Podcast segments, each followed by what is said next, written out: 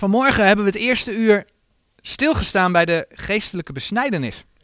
En we hebben gezien hoe de geestelijke besnijdenis bij de wedergeboorte ja, eigenlijk laat zien waarom je die zekerheid in het geloof hebt, waarom je die zekerheid van je behoud hebt. Het is een werking van de Heere God in het leven van de mens die tot geloof komt. Het is wat God uitvoert, de werking Gods. Hè, die het lichaam der zonde des vlees lossnijdt van de ziel. En het gevolg is dat die ziel niet meer onder de invloed van de zonde van het vlees staat.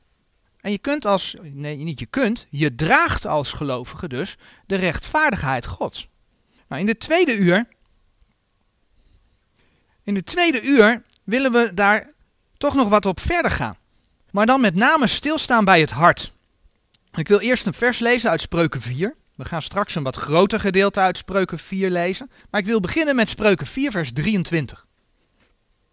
In Spreuken 4, vers 23 lezen we: Behoed uw hart boven al wat te bewaren is, want daaruit zijn de uitgangen des levens. Spreuken 4, vers 23. Behoed uw hart boven al wat te bewaren is, want daaruit zijn de uitgangen des levens.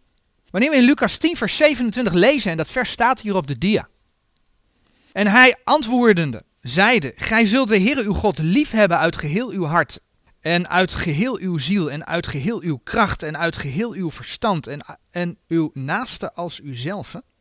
Dan beseffen we dat ons hart, waar de Bijbel het over heeft, wat anders is dan dat kloppende orgaan wat we in ons lichaam hebben. dat het bloed rondpompt. Dat bijbelse hart is wat anders. Maar wat is dat hart dan? Wat is dat hart wat we in de Bijbel tegenkomen? Wat is dat dan wel?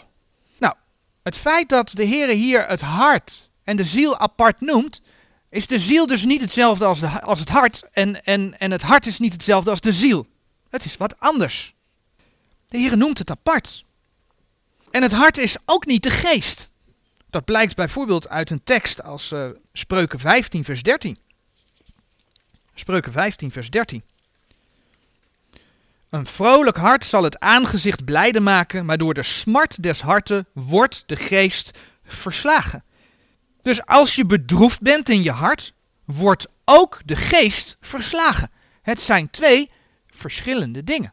Daarbij zou je ook Psalm 77, vers 7 als voorbeeld kunnen opzoeken. Ik geloof dat je geest zich wel in je hart bevindt. Maar het zijn twee verschillende dingen. En dat die geest zich in het hart bevindt, daar kom ik straks nog even op terug. Het hart heeft te maken met het innerlijk leven van de mens. Je gedachten, hoe je over jezelf denkt, hoe je over de ander denkt. Maar ook zit daar je wil. En als je daar teksten bij op wil zoeken, dan zijn dat bijvoorbeeld 1 Korinthe 7 vers 37 en 2 Korinthe 9 vers 7. Daaruit blijkt dat, dat, dat je in je hart ook een beslissing neemt. Het hart kan iets voornemen. Maar het hart kent, als je in de Bijbel gaat lezen, ook allerlei emoties. Het hart kan blij zijn. Uh, het hart kan trots zijn. Het hart kan schrikken. Het kan benauwd zijn. Het kan uh, verhard worden. Het kan zich verheffen. Maar een hart kan ook geloven.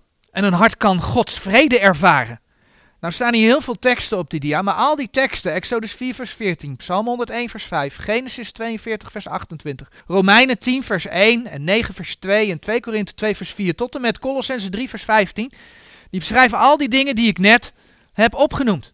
Al die dingen die, die het hart kan ja, ervaren. En toen we een tijdje terug bij onze gedachten stilstonden, en zagen we hoe we die tot de gehoorzaamheid van Christus kunnen leiden. Toen zagen we al even de tekst in Genesis 6, vers 5. Genesis 6, vers 5. En de Heere zag dat de boosheid des mensen menigvuldig was op de aarde en al het gedichtsel der gedachten zijns harten te alle dagen alleenlijk boos was. Nou, als je dan Jeremia 17 vers 9 erbij zou pakken, dan zie je dat dat zelfs spreekt over het feit dat je hart arglistiglijk is. Ja, het hart is dodelijk, staat daarin. Jeremia 17, vers 9. En anderzijds zien we dat het hart zich erop kan zetten om de Heer te dienen. Dat vind je bijvoorbeeld in 1 Kronieken 28, vers 9 en Handelingen 11, vers 23. En zo is de hart En dat brengt me dan terug bij Spreuken 4, vers 23. Zo is het hart het bron, de bron van alle dingen die zich in het leven van de mensen voordoen. Het hart is daar de bron van. En daarom spreekt, spreekt Spreuken 4, vers 23 ook over de uitgangen des levens. Behoed uw hart boven al wat te bewaren is, want daaruit zijn de uitgangen des levens. Uit dat hart komt iets voort. Nou, feit is dat de Heer op diverse plaatsen erop wijst dat er uit je hart allemaal boze dingen voortkomen. Dat heeft met het hart te maken van de mens. En mij viel op dat 2 Korinthe 3 vers 3, en die tekst zoeken we op, het volgende zegt. 2 Korinthe 3 vers 3. Laten we voor het verband ook vers 2 erbij lezen. Gij lieden zijt onze brief geschreven in onze harten, bekend en gelezen van alle mensen. Als die openbaar zijt geworden, dat gij een brief van Christus zijt. En de ons dienst bereidt. Die geschreven is niet met inkt, maar door de geest des levende gods. Niet in stenen tafelen, maar daar komt hij. Maar in vleesen tafelen des harten. Dat vers spreekt over vlezen tafelen des harten. Het hart zelf is van nature onderdeel van het vlees. Hoe kan het dat al die zondige dingen uit het hart voortkomen? Het hart is van nature onderdeel van het vlees. Dat is wat ik hier lees. 2 Korinthe 3, vers 3. Ik zei al dat ik geloof dat je geest zich in je hart bevindt. Dat blijkt ook uit het feit dat de Heer laat zien dat wanneer je tot geloof gekomen bent, de Heilige Geest in je hart is komen wonen. Dat is wat de Bijbel zegt. In 2 Korinthe 1 vers 22, en die vers, dat vers staat weer hier op de, op de dia. Daar staat die ons ook heeft verzegeld en het onderpand des geestes in onze harten gegeven. Dat gebeurt in ons hart. En als je daar andere teksten bij zou willen zoeken, waar dat ook uit blijkt, dan kun je gelaten 4 vers 6 opzoeken. Dan kun je Romeinen 5 vers 5 opzoeken. En als je wederom geboren bent, woont Gods geest dus in je hart. En dan zegt 1 Korinthe 6 vers 17 zelfs. 1 Korinthe 6 vers 17. Maar die de Heere aanhangt is één geest met hem. De Heere laat dan ook zien dat je lichaam als gelovige, de Heere woont in jou, een tempel is van de Heilige Geest. Dat kun je bijvoorbeeld vinden in 1 Korinthe 3 vers 16 maar ook in 1 Korinthe 6 vers 19. We hebben net 1 Korinthe 6 opgezocht. Nou, in vers 19 lees je. Of weet gij niet dat uw liedere lichaam een tempel is des heilige geestes. Die in u is. Die gij van God hebt en dat gij u zelfs niet zaait. De schrift spreekt over het feit dat het hart van nature ook onbesneden is. Komt die besnijdenis weer terug. In het Oude Testament wordt, wordt het heel vaak tegen Israël gezegd. Dat ze onbesneden zijn. Van hart. Een voorbeeld is Deuteronomium 10, vers 16. Maar je komt het bijvoorbeeld ook in Handelingen 7, vers 51 tegen. En dan is het mooi om te zien dat dat woord van God, waar Colossense 2 over spreekt, niet alleen ziel en, en vlees lossnijdt van elkaar, maar Gods woord snijdt meer los.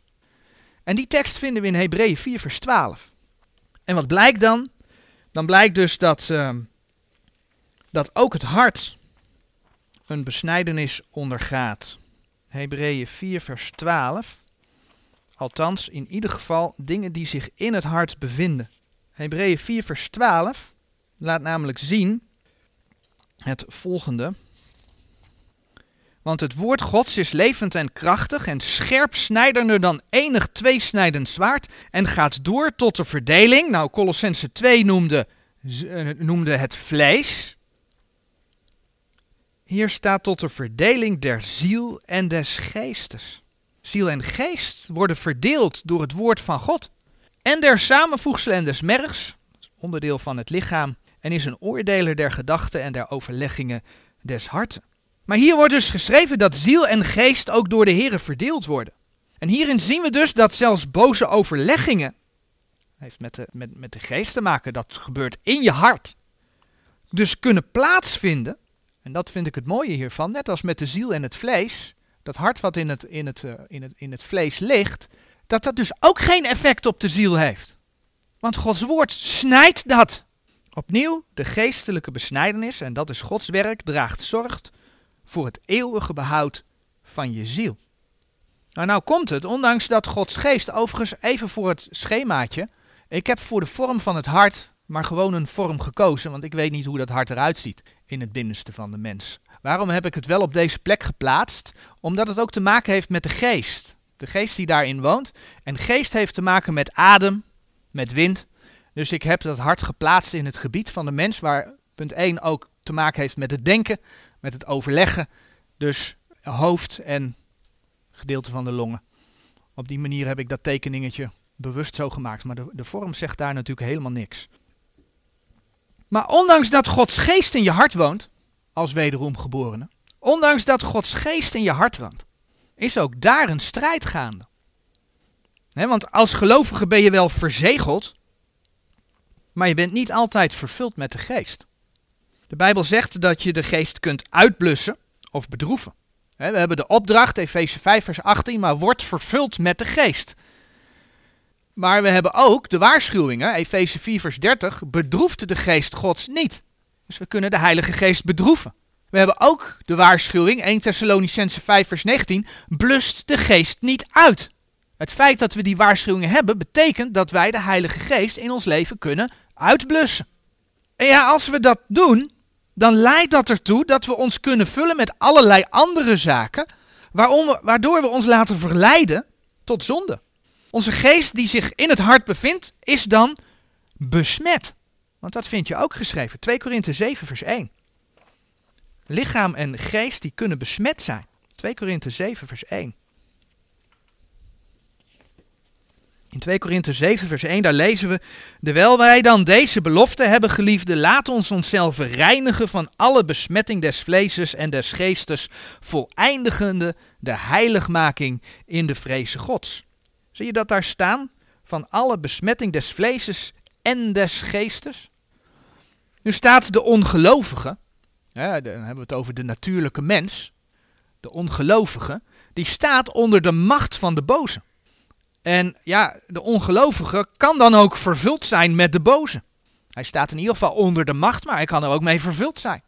Teksten die je daarbij op zou kunnen zoeken is Lucas 11, vers 24 tot en met 26 en Efeze 2, vers 3. Vandaar in, de, in het figuur de ononderbroken lijn, hè, de doorgaande lijn naar de onreine geest. Maar hoe zit het dan bij de wederomgeboren gelovige? De wederomgeboren gelovige is verzegeld met de Heilige Geest. En dat is aangegeven met die doorgaande, die ononderbroken lijn naar de Heilige Geest. Maar je ziet in de tekening wel een, ja, zeg maar gestippelde lijn, hè, een onderbroken lijn, naar de onreine geest. Want als wij door de zonde de Heilige Geest uitblussen, en dan komt hij, dan geven wij ruimte aan de duivel, aan de boze. En daar gaan we een voorbeeld van bekijken in het leven van Ananias en Safira. Dat is Handelingen 5. Ik denk dat dat uh, een bekende geschiedenis is. In Handelingen 4, daar wordt beschreven hoe de gemeente aan het bidden is. En dan lees je in Handelingen 4, vers 31 dat ze alle vervuld werden met de Heilige Geest. En vervolgens lezen we hoe, vers 33, de apostelen met kracht getuigenis gaven van de opstanding van de Heer Jezus. En hoe men voor elkaar zorgde ook. Handelingen 4, vers 34 en 35, maar ook Handelingen 5, vers 4. Velen verkochten hun goederen, zodat niemand gebrek had. Maar Ananias en Safira hadden klaarblijkelijk van tevoren van tevoren een plannetje gemaakt. En dat dat een plannetje geweest is, dat blijkt wel uit Handelingen 5 als je vers 4 en vers 9 leest. Zij zouden iets verkopen, maar van de prijs achterhouden. Eigenlijk waren ze dus geestelijke huigelaars. En ze deden net alsof ze alles gaven voor de heren, voor de gemeente, maar stiekem hielden ze wat voor zichzelf. Kijk eens hoe goed wij zijn. We hebben alles voor de gemeente over. Maar ze hielden toch even wat voor zichzelf. Ja, en het gevolg is we kennen het, ze vielen dood neer. Maar waarom handelden Ananias en Safira zo? Zij hadden de Heilige Geest klaarblijkelijk uitgeblust. En hun hart was vervuld geworden met de duivel. Kijk maar in Handelingen 5, vers 3. En Petrus zeide: Ananias, waarom heeft de Satan uw hart vervuld? Ja, dat staat er wel. Ananias, waarom heeft de Satan uw hart vervuld dat gij de Heilige Geest liegen zou, zoudt en onttrekken van de prijs des lands? Dus ondanks dat je wederom geboren bent, kun je onder andere door verkeerde keuze, door zonde, de Heilige Geest uitblussen. 1 Thessalonicense 5 vers 19. En dan kan de duivel je vervullen. En dan ga je zondigen. En op deze manier, en die tekst zoeken we even op, Efeze 4 vers 27, kun je een hele korte opdracht in Efeze 4 begrijpen. Waarom, waarom dat daar staat. Efeze 4 vers 27. Een heel kort zinnetje. En geeft de duivel geen plaats. Dat staat er. En geeft de duivel geen plaats. Als dat zo is, als dat zo is, dan betekent het dus, en dat is zo, maar dan betekent het dus dat je je hart moet bewaken. Wij moeten ons hart bewaken. Dat je je hart moet behoeden, zodat die duivel geen plaats krijgt. We moeten ons hart behoeden, zodat je vervuld bent met Gods geest. Zoals Efeze 5 vers 18 zegt. Efeze 5 vers 18. En wordt niet dronken in wijn waarin overdaad is, maar wordt vervuld met de geest. Maar hoe kunnen wij ons hart dan behoeden? We hebben laatst al gekeken hoe we onze gedachten in gehoorzaamheid tot de Heer Jezus kunnen leiden. Dat hebben we aan de hand van een gedeelte uit 2 Korinthe 10 gedaan. Het staat ook met name in 2 Korinthe 10 vers 5. En dat gaan we nu niet opnieuw doen. Het is daar ook een onderdeel van. Maar vanmorgen willen we kijken wat de context van Spreuken 4 vers 23 ons daarover te vertellen heeft. Spreuken 4. En dan gaan we daar eerst een gedeelte uit lezen. En dan wel Spreuken 4 vanaf vers 20. En als je dat gedeelte goed leest, dan hoor je zo dat liedje wat we gezongen hebben, hoor je zo terugkomen. Mijn zoon, merk op mijn woorden, neig uw oor tot mijn redenen. Laat ze niet wijken van uw ogen, behoud ze in het midden uws harten. Want zij zijn het leven, degene die ze vinden, en een medicijn voor hun gehele vlees. Vers 23. Behoed uw hart boven al wat te bewaren is, want daaruit zijn de uitgangen des levens. Doe de verkeerdheid des monds van u weg, en doe de verdraaidheid der lippen ver van u. Laat uw ogen recht uitzien en uw oogleden zich recht voor u heen houden. Weeg de gang uws voets, en laat al uw wegen wel gevestigd zijn. Wijk niet ter rechter of ter linkerhand, wend uw voet af van het kwade. Als we dan als eerste nog naar vers 23 kijken, spreuken 4 vers 23, dan zien we dat we de opdracht hebben om ons hart te behoeden boven al wat te bewaren is. Dus je kunt eigenlijk zeggen dat de Heer laat zien dat het van groot belang is om je hart te bewaren. Behoed je hart boven al wat te bewaren is. mensen die, die doen uh, geld, belangrijke papieren, sieraden, doen ze wel in de kluis om het te beschermen tegen, tegen inbrekers, tegen brand. Maar je hart gaat boven alles. Veel belangrijker. Veel belangrijker dan geld en, en al die papieren of sieraden. En ik denk dat dat ook wel blijkt uit wat we zojuist besproken hebben. Want wil je de duivel geen plaats geven in je leven, wil je de leiding van de Heere God ervaren in je leven, dan moet je dus je hart behoeden. Dan moet je je hart bewaren tegen alles wat erin wil, maar ook tegen alles wat er uitkomt. Dat is dus het feit, als je niet vervuld bent met de Heilige Geest, geef je de duivel plaats. En de opdracht is, en geeft de duivel geen plaats. Laten we spreuken 4 vers 20 en 21 nog een keertje lezen. Mijn zoon, merk op mijn woorden, neig uw oor tot mijn redenen. Laat ze niet wijken van uw ogen, behoud ze in het midden uws harten. Merk op mijn woorden, neig uw oor tot mijn redenen. Met andere woorden, gebruiken wij onze oren om naar het woord van God te luisteren. Openbaring 1 vers 3, dat is ook zo'n mooi vers. Wat daar betrekking op heeft. En we komen zo weer terug bij Spreuken 4. Maar openbaring 1 vers 3 zegt. Zalig is hij die leest en zijn zij die horen de woorden deze profetie. En die bewaren hetgeen in dezelfde geschreven is, want de tijd is nabij. Zalig is hij die leest en zij die horen de woorden deze profetie. Dus het horen van het woord van God is iets wat heel belangrijk is. En dan staat er dus ook bij, behoud ze, hè, spreuken 4 staat dat geschreven, behoud ze in het midden uws harten. Denk erover na. Laat het je bezighouden. Want dan vult het je gedachten met de juiste dingen. En dan geeft Spreuken 4 vers 22 daar een belofte bij. Want zij zijn het leven, degene die ze vinden, en een medicijn voor hun gehele vlees. Het woord van God geeft in de eerste plaats leven. Als je de Heer Jezus leert kennen, doordat je overtuigd raakt ook van de waarheid van Gods woord, dan krijg je het eeuwige leven. Gods woord geeft leven. En vandaag zijn we nog een keer bevestigd hoe je zeker kunt weten dat je ziel behouden is. En het bewaart je voor veel narigheid die, die mensen elkaar aandoen. Overigens, we zagen onlangs dat de Heer soms ook mensen thuis haalt als ze wandelen naar het vlees. Onder andere Romeinen 8, vers 13. Dus in die zin geeft luisteren naar Gods woord ook gezondheid.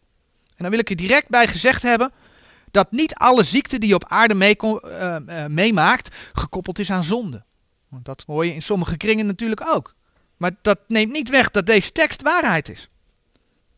Dus als we terugdenken aan vorige week, toen we zagen dat je opgeroepen wordt om niet te vertragen bij bijvoorbeeld het bezoeken van de onderlinge samenkomst, Hebreeën 10 vers 25, dan zie je dat dat ook hier binnen past. Want als je de samenkomst bezoekt, ga je ook naar Gods woord luisteren, ga je naar de verkondiging over Gods woord luisteren. Dan vul je je met de dingen van de Heer. Het luisteren naar de dingen van en uit Gods woord is een stukje bescherming van je hart. Het helpt je om geen plaats te geven aan de duivel. Maar we hebben net in Spreuken 4 vers 21 ook gelezen. Laat ze niet wijken van uw ogen. Behoud ze in het midden uw harten. Dus luisteren, ja, maar lees je Gods woord zelf ook. En het belang van meelezen van de teksten, terwijl er bijvoorbeeld gepreekt wordt, is dus niet alleen om jezelf te overtuigen dat het wel goed geciteerd wordt, maar is ook dat je jezelf vult via je ogen met dat woord.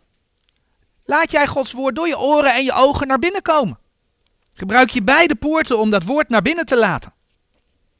En dat is de positieve kant. Dat is wat je door moet laten. Maar je hart behoeden, je hart bewaken, betekent ook dat je dingen tegen zult moeten houden die je niet naar binnen laat. Dat je niet alles moet willen horen. Een paar eenvoudige voorbeelden. Welke muziek kies je uit? Ga je naar wereldse muziek luisteren? Dat vaak over allerlei liefdeservaringen gaat waar de Heer tegen waarschuwt. Ik noem het liefdeservaringen, maar nou ja, goed. Waar de Heer tegen waarschuwt. Of muziek die soms gewoon godslastelijk is. En een mooi voorbeeld daarbij is koning Sal. En die tekst die zoeken we even op in 1 Samuel 16. Koning Sal had een boze geest, overigens door de Heer gestuurd. Maar hij had een boze geest. En dan mag David bij hem komen spelen. 1 Samuel 16. En dan mag Samuel bij hem komen spelen. En dan lees je, of Samuel, mag David bij hem komen spelen. Mag bij hem komen muziek maken. En van David wordt gezegd in vers 18, de Heer is met hem.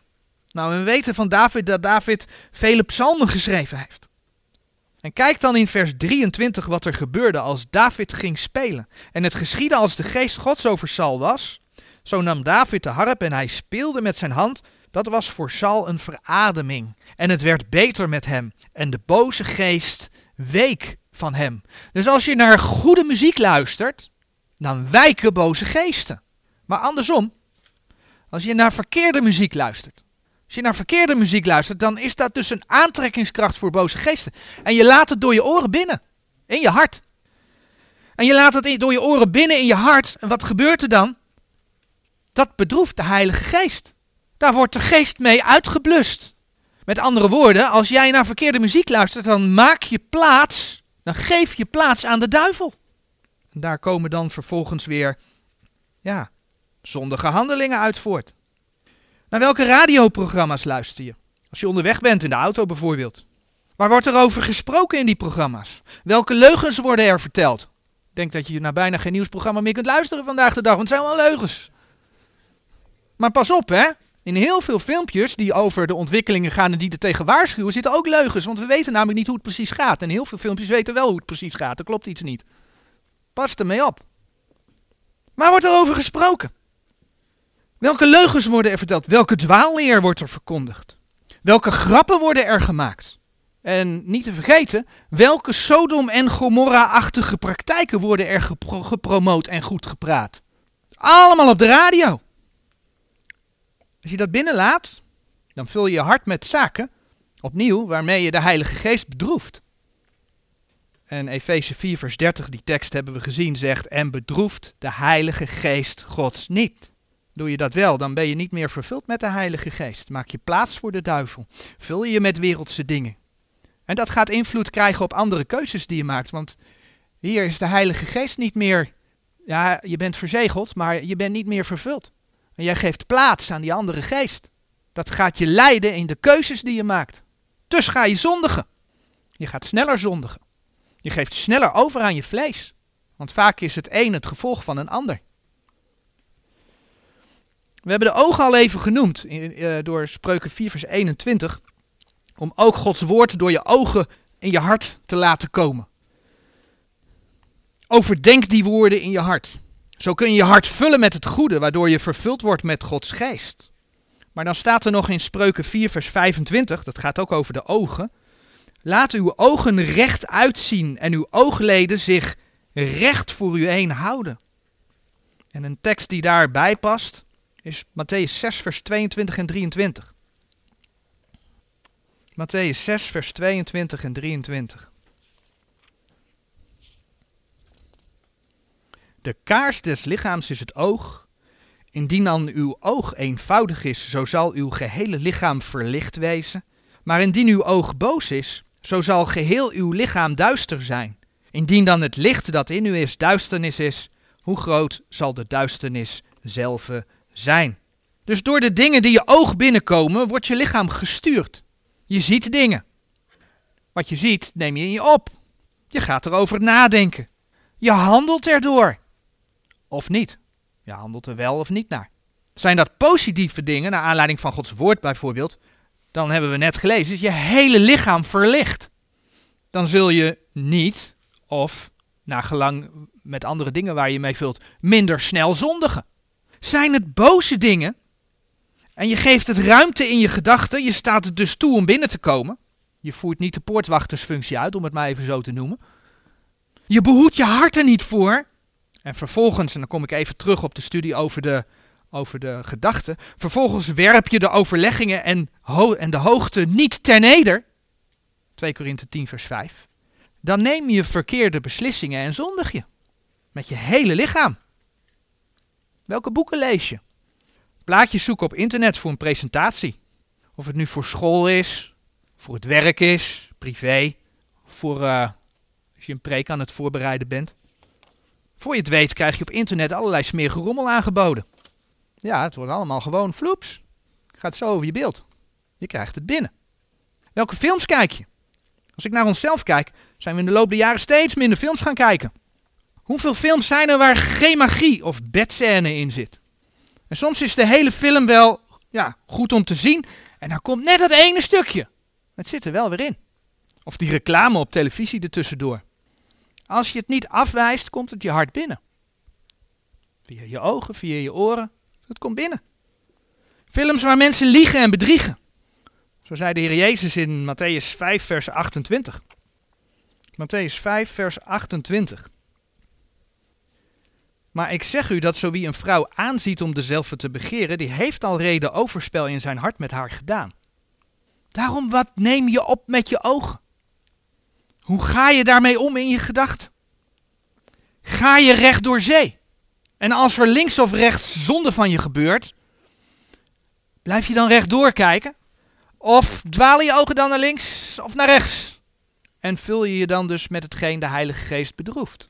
Zie je hoe voorzichtig we moeten zijn om ons hart te bewaken? Want als we ons hart niet goed bewaken, dan maken we Gods geest verdrietig.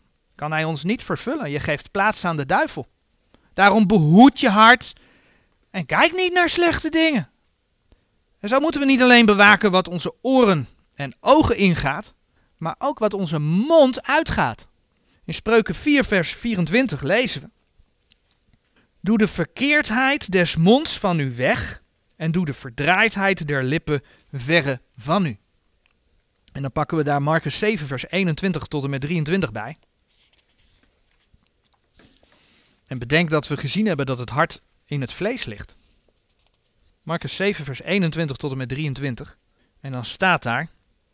Want van binnenuit het hart der mensen komen voort kwade gedachten, overspelen, hoererijen, doodslagen, dieverijen, gierigheden, boosheden, bedrog, ontuchtigheid, een boos oog, lastering, hoogvaardig, onverstand. Al deze dingen komen voort van binnen en ontreinigen de mens. Ons hart ligt van nature in het vlees. Er is een strijd tussen geest en vlees. Gelaten 5 vers 17. Dus ja, uit ons hart kunnen nog steeds deze dingen voortkomen. En helemaal als je niet vervuld bent met Gods geest. En daardoor ruimte aan de duivel geeft. Dus stop het en laat het niet je mond uitgaan. Vul je met Gods woord. En laat zijn woorden over je lippen gaan. Spreuken 22, vers uh, eh, 17 en 18. Neig uw oor en hoor de woorden der wijzen. En stel uw hart tot mijn wetenschap. Want het is lieflijk als gij die in uw binnenste bewaart. Zij zullen tezamen op uw lippen gepast worden. Of zoals, en ik denk dat we die tekst wel kennen, Matthäus 12, vers 34 zegt: Want uit de overvloed des harten spreekt de mond. En als laatste lezen we in Spreuken 4, vers 26 en 27. Weeg de gang uw voets en laat al uw wegen wel gevestigd zijn. Wijk niet ter rechter of ter linkerhand, wend uw voet af van het kwade. Je kunt bepalen waar je naartoe gaat. Naar plekken waar je bijvoorbeeld met medegelovigen kunt zijn. Naar de samenkomst op zondag, een andere bijbelstudiedag. Of uh, ga mee, straatpreken samen. Je kunt ook genieten gaan van de natuur, van de schepping die God gegeven heeft. Kan ook. En zo zijn er echt wel andere plaatsen waar je tot eer van de Heer kunt zijn. Maar mijd plaatsen, want dat lezen we net, hè. Wend uw voet af van het kwade. Mijd plaatsen waar je weet dat je niet zou moeten zijn. Een wederom geboren gelovige heeft bijvoorbeeld niets te zoeken in een café. Of bij een dancefeest of houseparty of weet ik veel wat voor parties het er allemaal zijn uh, tegenwoordig. Of wat voor feest met drugs en drank dan ook. Of een schoolfeest. Waarvan je eigenlijk weet dat daar bepaalde muziek gedraaid wordt. Om maar wat voorbeelden te geven. Ga je wel naar zo'n feest toe, dan heb je punt 1 in je hart een verkeerde beslissing genomen.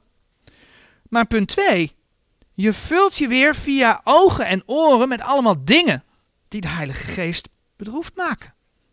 Die je dus voor zorgen, als je weer hieraan terugdenkt, dat als de Heilige Geest uitgeblust wordt, je plaats geeft aan de duivel. Ja, weet je, dan gaat het vlees weer harder trekken. Ga je zo meer zondigen. En als het dan op de drank aankomt, die tekst hebben we ook al gelezen in Efeze 5, vers, vers 18. En wordt niet dronken in wijn waarin overdaad is, maar wordt vervuld met de geest. Zoek je het wel op, dan blus je de geest uit. Je geeft plaats aan de duivel. Of naar welke vrienden laat je je toebrengen? Zijn het vrienden die je kunnen helpen in Gods woord? Of zijn het vrienden die jij kunt steunen met Gods woord? Vrienden waardoor je opgebouwd wordt? Of laat je je door je voeten brengen bij vrienden die niets met God hebben en waardoor je gaat schipperen met de waarheid om het toch maar gezellig te houden samen. Ja. Ja, als je gaat schipperen met de waarheid, dan bedroef je de Heilige Geest, geef je de duivel plaats.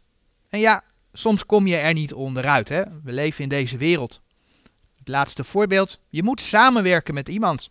Voor je werk, voor school. Het komt voor. Maar durf je dan nee te zeggen op het moment dat er iets voorgesteld wordt om te gaan doen waarvan jij weet, dat wil de Heer niet dat ik dat doe. Durf je dan nee te zeggen? Als je geen nee zegt, krijg je het weer, bedroef je de Heilige Geest, geef je de duivel plaats. En daarom, behoed je hart en ga, laat je voeten je naar de juiste plekken brengen. We hebben het net allemaal gelezen in Spreuken 4, vers 20 tot en met 27. En ik wil graag afsluiten toch nog een keer vers 23 voor te lezen. Spreuken 4, vers 23. Behoed uw hart boven al wat te bewaren is, want daaruit zijn de uitgangen des levens. Amen.